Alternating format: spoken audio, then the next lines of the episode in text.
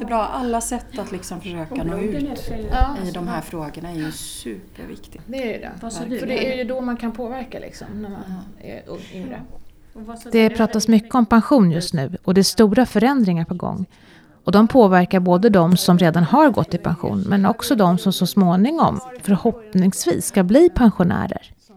Den politiska delen av det här är i första hand den allmänna pensionen såklart.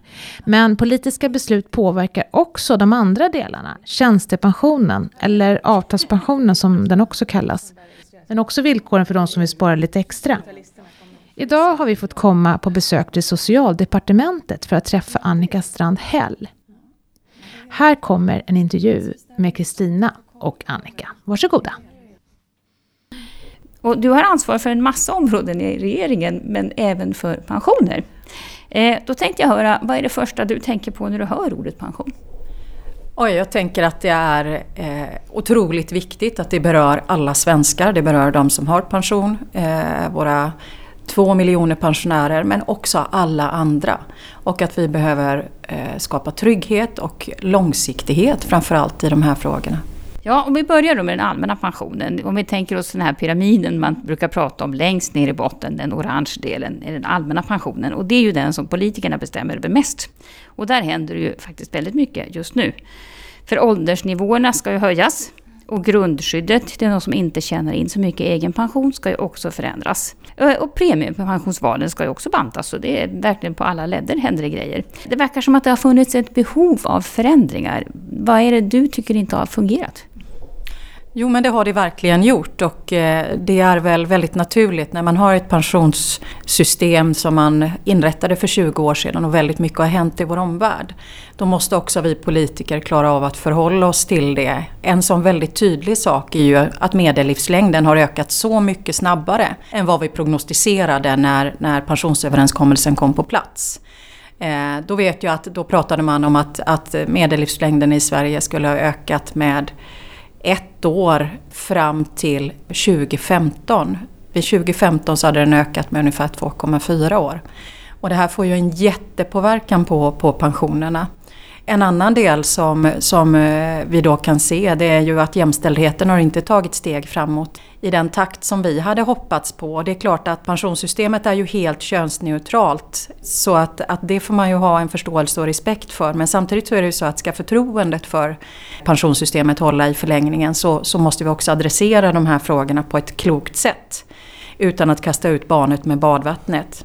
Och det är ju också så att den analys som vi då gjorde kring det här gapet, de här 6 000 kronorna i månaden i, i genomsnitt mellan kvinnor och män i pensionsgap. Där vi tittade på hur uppstår det här?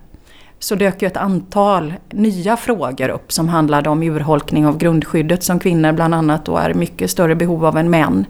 Och en, ett antal olika frågor. Och, eh, det är ju vårt ansvar i pensionsgruppen som följer utvecklingen i, utav pensionsöverenskommelsen att också våga fatta de beslut som krävs.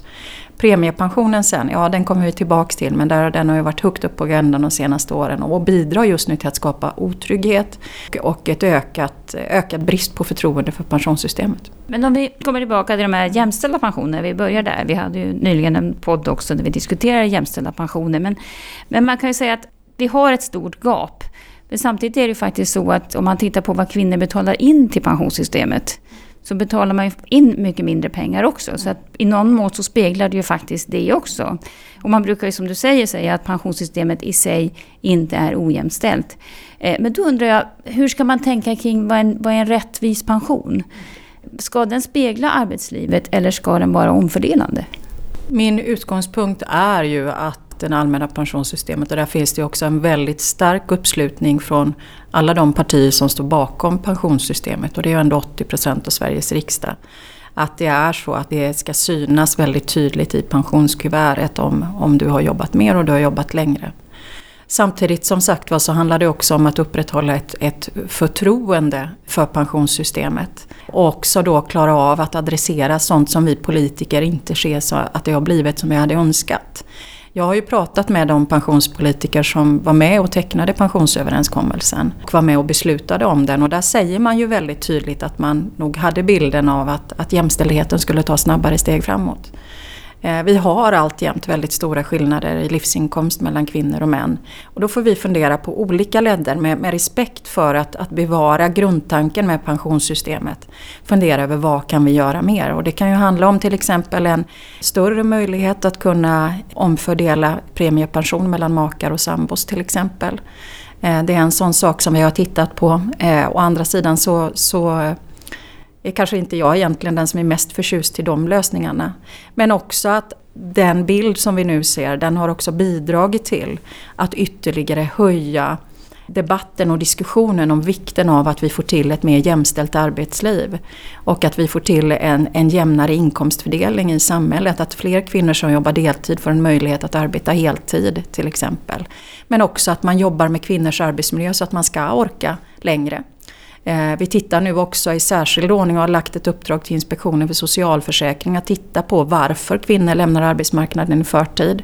Vi hade en teori när vi gjorde den här kartläggningen av jämställda pensioner men behöver gå lite djupare. Vad hade ni för teori då? Är det något som ni har kommit på att det stämde inte? Ja, man kan väl framförallt konstatera att, att vi var ett jätteomfattande arbete som vi gjorde och att analysen i någon mån säkert är rätt men också lite grund. Och då handlade det ju väldigt mycket om att vi kan se att eh, väldigt många kvinnor lever tillsammans med en man som är något äldre, har haft en bättre inkomst och därmed också en bättre pension. Och att när han går i pension så är det många som väljer att då samtidigt påbörja sin egen pensionering och ta ut pension i förtid bland kvinnorna. Vilket då leder också till en livsvarigt längre, eller lägre pension för kvinnor sen. Dessutom har du det här lilla faktumet att män inte lever så länge som kvinnor. Och att risken sen då är att man, man står där med sin betydligt lägre pension som man har börjat ta ut i förtid och är ensam och inte klarar sig. Och det där ser vi väldigt tydligt. Det är säkert en delförklaring till att vi ser att kvinnor lämnar i, i förtid. Men det är också så att, att kvinnors, jag är ju också ansvarig för sjukförsäkring och hälso och sjukvård, att vi ser att kvinnors ohälsa är, är betydligt högre än mäns. Eh, och att eh, kvinnor är betydligt mer sjukskrivna. Eh, och att det också finns arbetsmiljöfaktorer kopplat till de arbetsplatser som domineras av kvinnor eh, som vi behöver titta i särskild ordning på. Så att det, det är som alltid med komplexa frågor, så att man ska akta sig för politiker som säger att de har enkla svar på komplexa frågor. För att det handlar om att göra flera olika saker samtidigt. Att titta på vad kan vi möjligtvis göra eh, i pensionssystemet med, med respekt för grundvalarna, alltså till exempel då, grundskyddet som är viktigt för många kvinnor. Men också verkligen ligga på arbetsmarknadens parter och även oss, vi politiker att se till att få till en större jämställdhet i samhället. Så då känns det lite grann som att det är ändå det här att arbeta sig till sin pension som är det huvudsakliga, fast man måste på något sätt fixa till i kanterna. Då tänker jag om vi tänker så de kvinnor som träder in i arbetsmarknaden nu, som kanske är födda på 90-talet. Eh, tror du att de kommer att diskutera samma saker när då om 40 år, 45 år, när de ska gå i pension? Eller, eller ser du att det, att det händer saker som gör att vi kanske slipper de diskussionerna längre fram? Det oroar mig ärligt talat. Eh, jag, jag önskar ju av varenda fiber i min kropp att de ska slippa diskutera de här sakerna. Å andra sidan satt väldigt tvärsäkra pensionspolitiker då på 90-talet när vi slöt pensionsöverenskommelsen. Eller för den delen i slutet på 80-talet när vi tog bort änkepensionen som vi fortfarande idag ser har en jättestor betydelse för många kvinnor. Och var väldigt tvärsäkra på att jämställdheten minsann var, var så gott på väg och att det här skulle lösa sig av sig självt. Jag vågar inte ta eh, gift på att man eh, inte kommer att behöva diskutera det här också om 40 år. Eh, men att det är otroligt viktigt att politiker i Sverige oavsett färg och det är också så att hela vår jämställdhetsdebatt har ju präglats lite grann av att vi är bäst i världen och därmed färdiga. Eh, vilket gör då att kanske inte politiska initiativ i tillräckligt snabb utsträckning har tagits och att man tror att det löser sig av sig själv. Det gör det inte. Vi får jobba på alla klutar. Nej, nej, och kanske inte bygga in system heller som, som främjar att man fortsätter på samma linje. Eh, men jag tänkte växla fokus lite grann. För att vi pratar ändå om att ökad medellivslängd är liksom den främsta anledningen till att vi behöver jobba längre och att pensionsåldrarna behöver höjas. Men alla lever ju inte lika länge.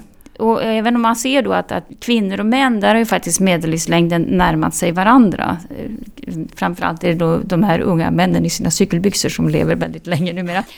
Men, men, men samtidigt så ser vi också, om vi lägger ett klassperspektiv på det här, så ser vi att när det gäller utbildningsnivån så har vi kvar väldigt stora skillnader. Det vill säga om du inte har så hög utbildning så lever du kortare än den som har en, en lång utbildning.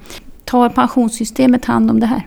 Nej, i någon mån gör det ju eh, inte riktigt det. Vi kan konstatera att ska vi återigen ha respekt för grundprincipen i pensionssystemet och så är det ju så att man lever olika långt i ett land och att de delarna eh, kanske behöver främst ageras på andra områden. Vi har ju, ja, som sagt var, jag är också ansvarig för eh, hälso och sjukvården och folkhälsan inte minst. Och kan ju också väldigt tydligt se att vi har eh, till och med accentuerade skillnader. Det skiljer eh, ofantligt många år i medellivslängd bara mellan två olika stadsdelar i Stockholm om du tar tunnelbanan. Och vi tillsatte ju i början av den här mandatperioden en kommission för jämlik hälsa som har tagit ett väldigt brett perspektiv. Och där ju utgångspunkten mer är att vi behöver börja mycket, mycket tidigare för att utjämna de här skillnaderna. Och att det är där väldigt mycket av det politiska fokuset behöver ligga snarare än att vi ska lösa eh, symptomen på det här i pensionssystemet. Det börjar redan i barndomen konstaterar de. Och det handlar inte om hälsa så mycket utan det handlar just om vilka förutsättningar man får tidigt när det gäller skolgång, eh, att lyckas i skolan, eh, att få schyssta förutsättningar och bra arbetsmiljö och bra villkor på de jobb som man har. Att kunna ha en schysst löneutveckling, att man får lika förutsättningar att ta hand om sin hälsa. Att vi får samma tillgång, jag är också idrottsminister, till idrott och, och rörelse till exempel, där det också skiljer sig väldigt mycket idag. Så att det är ju de här olika delarna, så att det korta svaret är väl att nej, pensionssystemet tar inte fullt ut hand om, om det här idag och det kanske inte ska göra det. Utan att vi ska värna grundprincipen i pensionssystemet men se till att göra mer på de andra områdena. Eh, men tills vidare så ser det ut så här och många också kommer ju ut, även inte bara kvinnor då, med ganska låga pensioner. Och grundskyddet, alltså bostadstillägg, äldreförsörjningsstöd, garantipension, är ju en viktig del i mångas pensioner. Även här har ni sagt att det, ni vill se förändringar. Vad tycker du är den viktigaste åtgärden? Vad vill du mest göra när, du vill, när, när vi pratar grundskydd? Vilken är den viktigaste förändringen? Ja, alltså det är ju flera olika delar i det. Som sagt var, vi ser ju att det är en otroligt viktig del i, i pensionen för, för väldigt många. Och också att vi har haft en situation där, där grundskyddet har gröpts ur. Och där man har tappat visavi eh, löneutvecklingen i Sverige ganska mycket. Och ska inte den här utvecklingen fortsätta och accentueras så måste vi göra någonting åt grundskyddet. Och det är också det som har gjort att vi nu då har en sån bred politisk uppslutning bakom det här. Eh, det handlar dels om att eh, förstärka själva eh, garantipensionen. Men också då att vi, tanken är att vi ska koppla ett tilläggsbelopp till den som man ska kunna få. Och som man inte ska behöva ansöka om utan det ska falla ut automatiskt om man till exempel har en väldigt låg pension i övrigt, låg tjänstepension till exempel. Det är en del som vi då hoppas kommer att bli ganska träffsäker. Och sen kommer vi också att arbeta vidare med bostadstillägget för pensionärer. Och jobba vidare med framförallt att, att höja taket i, i bostadstillägget. Det blir ett mer renodlat bostadsstöd än vad det är idag. Men också att det är en del utav, utav trygghetssystemen som har halkat efter där man inte har höjt taket på väldigt länge. Vi gjorde en, en liten justering nu från 5 till 5 och 6. Men det har hänt mer med hyrorna sedan 2006 när, när förändringarna gjordes senast. Och därför så ser vi också att där kommer vi behöva göra eh, mer eh, helt enkelt.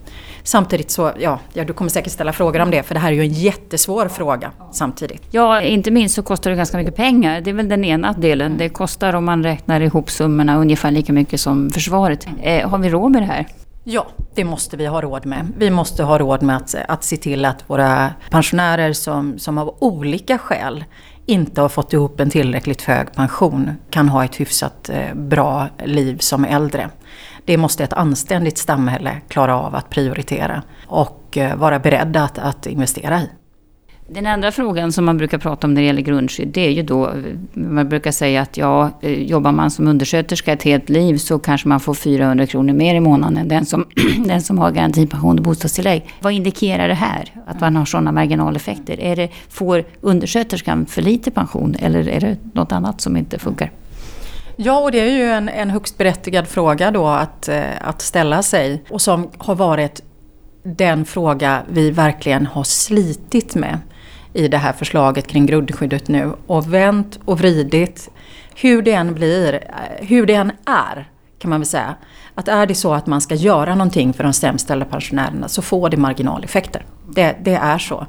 Och det måste vi klara av att, att leva med och det måste vi klara av att stå upp för. Sen så ska vi naturligtvis utforma det här, vilket vi då har jobbat med, eh, för, för att det ändå ska bli så små marginaleffekter som möjligt och att de liksom landar på, på ett sätt som vi kan, kan försvara och att det blir träffsäkert. Å andra sidan så kan man också säga det att det kan väl absolut vara så att man också behöver fundera på hur man kan förstärka möjligheten även för undersköterskor att få en, en, en bättre pension. En sån sak kan ju, eh, utöver vad vi kan göra i pensionssystemet, kan ju vara att till exempel arbetsgivarna i kommuner och landsting börjar se till att erbjuda heltider.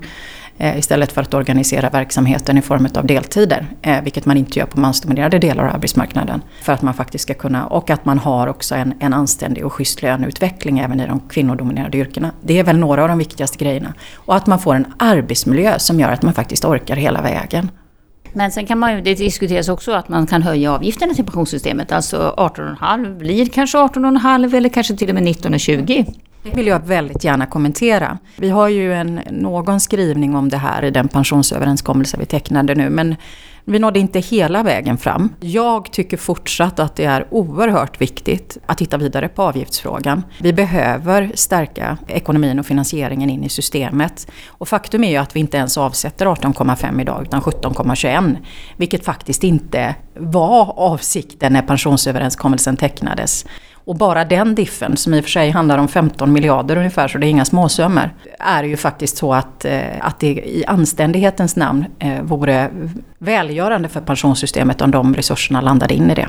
Det skulle lösa en del andra problem på vägen. Premiepensionen då? Den har man ju pratat så mycket om så man kan nästan bli trött på det. Men i alla fall, pensionsvalen ska bantas. Kanske redan ja, det här året i alla fall. Då är egentligen min fråga lite annorlunda. Kan vi då räkna med att den administrativa avgiften som vi sparare faktiskt betalar till myndigheten för att sköta valen och som ju faktiskt har varit ganska hög. Kan vi räkna med en bantning där och kan vi även, även den administrativa avgiften överhuvudtaget till inkomstpensionen är också i förhållande till andra avgifter numera som ju faktiskt har sjunkit också ganska hög. Eh, en 60-åring betalar ganska ofta uppemot nästan en tusenlapp. Eh, per år? Ja, ja, per år. Har du som politiker synpunkt på detta? Ja, alltså det är klart att vi alltid, alltid vänder på olika stenar. Nu ska jag också vara helt ärlig äh, och säga att det är en fråga som vi inte har borrat särskilt djupt i pensionsgruppen ännu. Men äh, som kanske naturligtvis skulle kunna bli, äh, bli föremål för en diskussion. Det har inte varit den mest prioriterade frågan helt enkelt. Tjänstepensionen, nu går vi upp i pyramiden ja. till den blå delen. Och den är ju viktig den håller på att bli allt viktigare del av pensionen och utan tjänstepension så diskuterar faktiskt många, kanske med lite högre inkomster, att bli av med halva sin pension kan man säga. Tjänstepensionen utgör så stor del. Hur viktig är tjänstepensionen tycker du? Är det bra att den är så viktig? Tjänstepensionen är ju väldigt viktig idag. Den står ju för en ganska stor andel av den slutgiltiga pensionen. Vad som ändå är viktigt att säga är väl, eh, innan, vi, innan vi besvarar ytterligare i din fråga, att vi, om vi pratar om det här om, om vikten av hur man kan se till att man får en bättre pension i slutändan, så är det ju inte minst att arbeta på en arbetsplats som har en tjänstepension. Vilket ju är ett budskap inte minst till många unga eh, som kanske inte reflekterar så mycket över det här. Annars borde man begära ett par tusenlappar till i lön så att man kan avsätta själv, håller jag på att säga. Eh, så att det är väl en jätteviktig del. Samtidigt som det är ju så att när vi då har diskuterat hela de här förändringarna utav pensionssystemet som vi nu gör i det allmänna pensionssystemet så har det också funnits en diskussion om hur stor andel ska tjänstepensionen egentligen stå för och var, vad bör den allmänna pensionen i grunden ge liksom för kompensation. Så att jag är väl inte för att tjänstepensionen ska, ska fortsätta att bli allt viktigare utan att vi ska ha ett allmänt grundläggande pensionssystem som, som är tillräckligt robust. Därmed inte sagt som sagt att man inte ska leta efter en arbetsplats som har tjänstepension för att det är jätteviktigt. Och den, den är bra och den ska ge trygghet men den ska inte ersätta den allmänna pensionen egentligen. Man hör ibland diskussioner kring tjänstepensionen bland politiker som man nästan kan få en känsla av att den är en del av socialförsäkringssystemet. Mm. Är det så? Nej, det är den inte. Den är inte en del utav eh, socialförsäkringssystemet. Sen som sagt var så är den ju en väldigt viktig del för många av den slutgiltiga pensionen. Så att man ska inte heller liksom underskatta. Den är av vikt idag. Det får vi förhålla oss till. Sen behöver vi stärka den allmänna pensionen. Men det är inte en del av socialförsäkringen. Men det är ju däremot premiepensionen som man ibland eh, glömmer bort. Med tanke på eh, det, det haveri som vi har sett i premiepensionssystemet och där vi politiker naturligtvis har ett ansvar. Där diskussionen väldigt mycket har kantrat emellanåt. Där det låter som, och många, man får känslan av, att inte minst marknadsaktörer tror och tycker att premiepensionen är någonting helt annat. Den har bara ett enda syfte. Och det är att se till att bidra till att du ska få en bra, schysst pension i slutändan. Inte att glädja en massa eh, fondbolag, ärligt talat. Och det där kan jag ibland studsa över när jag blir intervjuad av en del journalister. Skulle du tycka det var bra om premiepensionen inte fanns? Ja, men det är väl ingen hemlighet att vi socialdemokrater från början inte ville ha premiepensionssystemet. Nu blev det en del utav den eh, pensionsöverenskommelse som vi tecknade. Eh, det är alltid ett givande och tagande när man är många partier som ska komma överens. Å andra sidan så måste vi ju nu då se att nu har vi ju, jag tror att det är ungefär 1000 miljarder i premiepensionssystemet. Så skulle vi lägga ner det idag så skulle det liksom finnas under ja, minst hundra år framöver. Utan nu handlar det ju om på något sätt att se till att dra stark lärdom av det som har skett eh, under de här åren. Att se till att, att det, vi som politiker tar ett ansvar för premiepensionen och det är också därför vi nu kommer att göra om den. Nu gör vi ju ett första steg så tryggar vi upp till nuvarande fondtorget men vi, vi kommer ju snabbt också se till att vi får ett helt nytt premiepensionssystem på plats. Men kan du förstå de, de som säger att premiepensionen ändå i slutändan ger högre pension? Mm. Det kan jag. Och eh, då är det ju så att det är ju det vi nu ska se till att, att möjligtvis då bevara in i ett nytt tryggare premiepensionssystem. Vi ska bevara en valfrihet, en trygg valfrihet och vi ska se till att, att det är möjlighet att få en schysst eh, avkastning på sin premiepension som stärker den allmänna pensionen. Eh, nu hoppar vi lite tillbaka till tjänstepensionerna. För ja. att premiepensionerna, där, du sa ganska klart i och för sig att du var inte så jätteförtjust i att man skulle dela premiepensionen i familjen, alltså överföring av...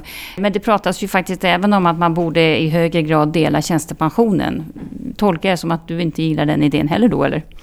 Nej, men det, är, det är ju återigen det här med, med incitamenten i pensionssystemet någonstans. Alltså vi vill ju, vi, alltså grundvalen för varför jag inte är jätteförtjust i den konstruktionen, även om jag då av olika skäl skulle kunna acceptera en viss uppmjukning här på grund av att läget ser ut som det gör. Det är ju att det inte bara undergräver egentligen tanken om att det är arbete som ska löna sig i pensionssystemet för alla. Utan också undergräver jämställdheten. Genom att vi då genom en sådan här konstruktion faktiskt täcker över det grundläggande problemet som handlar om att det är en ojämställdhet i grunden och att det är ojämställda löner och att det är liksom ojämställda villkor och det är det det liksom handlar om. Man ska inte behöva förlita sig på att gifta sig rikt då, utan man ska hitta en egen karriär. Exakt, och ha förutsättningar för det och kunna få en schysst lön. Det liksom... Ja, det känns ju skönt. Jag hörde någon som sa att det finns inte tillräckligt många rika män för alla kvinnor, så det kan bli ett problem där ja, också. eller hur? Ja, jag kan bara hålla med om det. Idag är ju etableringsåldern ganska hög. Alltså man pratar ju om att kvinnor kommer in, och män också, väldigt sent i arbetslivet. Vi börjar närma oss 30-årsåldern, då alltså en generation är tillräckligt etablerad på arbetsmarknaden så man kan säga att de faktiskt jobbar. Men det här innebär ju också då i andra änden av arbetslivet när man slutar, att börjar man att jobba vid 30 års ålder och vi pratar om att vi ändå ska jobba kanske 44 år, då blir ju de här 30-åringarna väldigt gamla om de ska hänga i. Men då kommer jag tillbaka till det här, alltså man har tagit bort all typer av pensionssparande. Alltså någon typ av bonus eller förmånlighet för att man ska så att säga, spara själv till sin ålderdom. Men de här 30-åringarna kan ju få lite problem. Så hur ska vi tänka här? Jo, absolut. Så å andra sidan så, så kan man ju eh, på olika sätt investera i en, en framtida trygghet på ålderdomen. Det kan ju vara ett eh, ett av olika sätt fördelaktigt och subventionerat sparande av staten. Vi tog ju bort det som fanns dock för att vi såg att det slog inte på, på rätt sätt. Eh, och där fanns ju till och med en enighet över blockgränserna också med den förra alliansregeringen om att det var, det var inte optimalt som det var utformat. Man kan ju till exempel ha, ha ett sparande i form av en, en bostad. Men framförallt så är ju det grundläggande problemet eh, att man kommer in vid 30-årsåldern. Vi har bland de högsta inträdesåldrarna i Europa i Sverige. Och eh, det är naturligtvis någonting som är helt oacceptabelt att det här bara drar iväg uppåt hela tiden. Och där kan ju också vi politiker, eh, där finns ju verktyg för oss att se till att, att skapa en möjlighet för att etablera sig tidigare på arbetsmarknaden.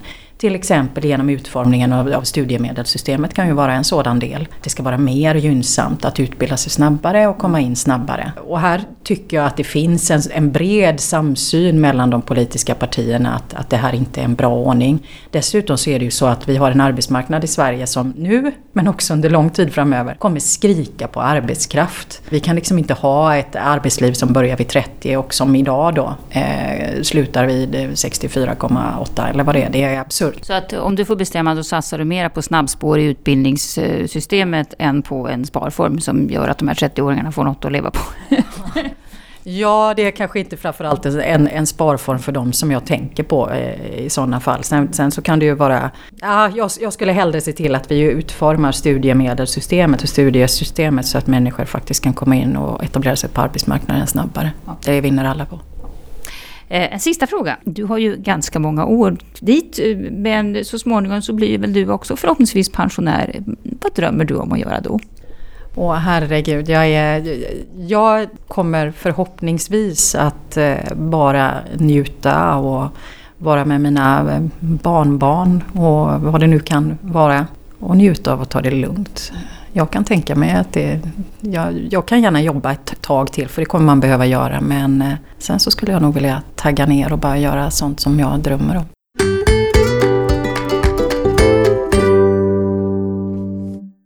Pensionsmyndigheten har nu kommit ut med det orangea kuvertet och nytt för i år är att man kan se hela sin prognos på Pensionsmyndigheten när man loggar in. Och därför får vi mycket frågor, Kristina, om var prognosen är bäst. Är den på min pension eller på Pensionsmyndigheten? Vad säger du?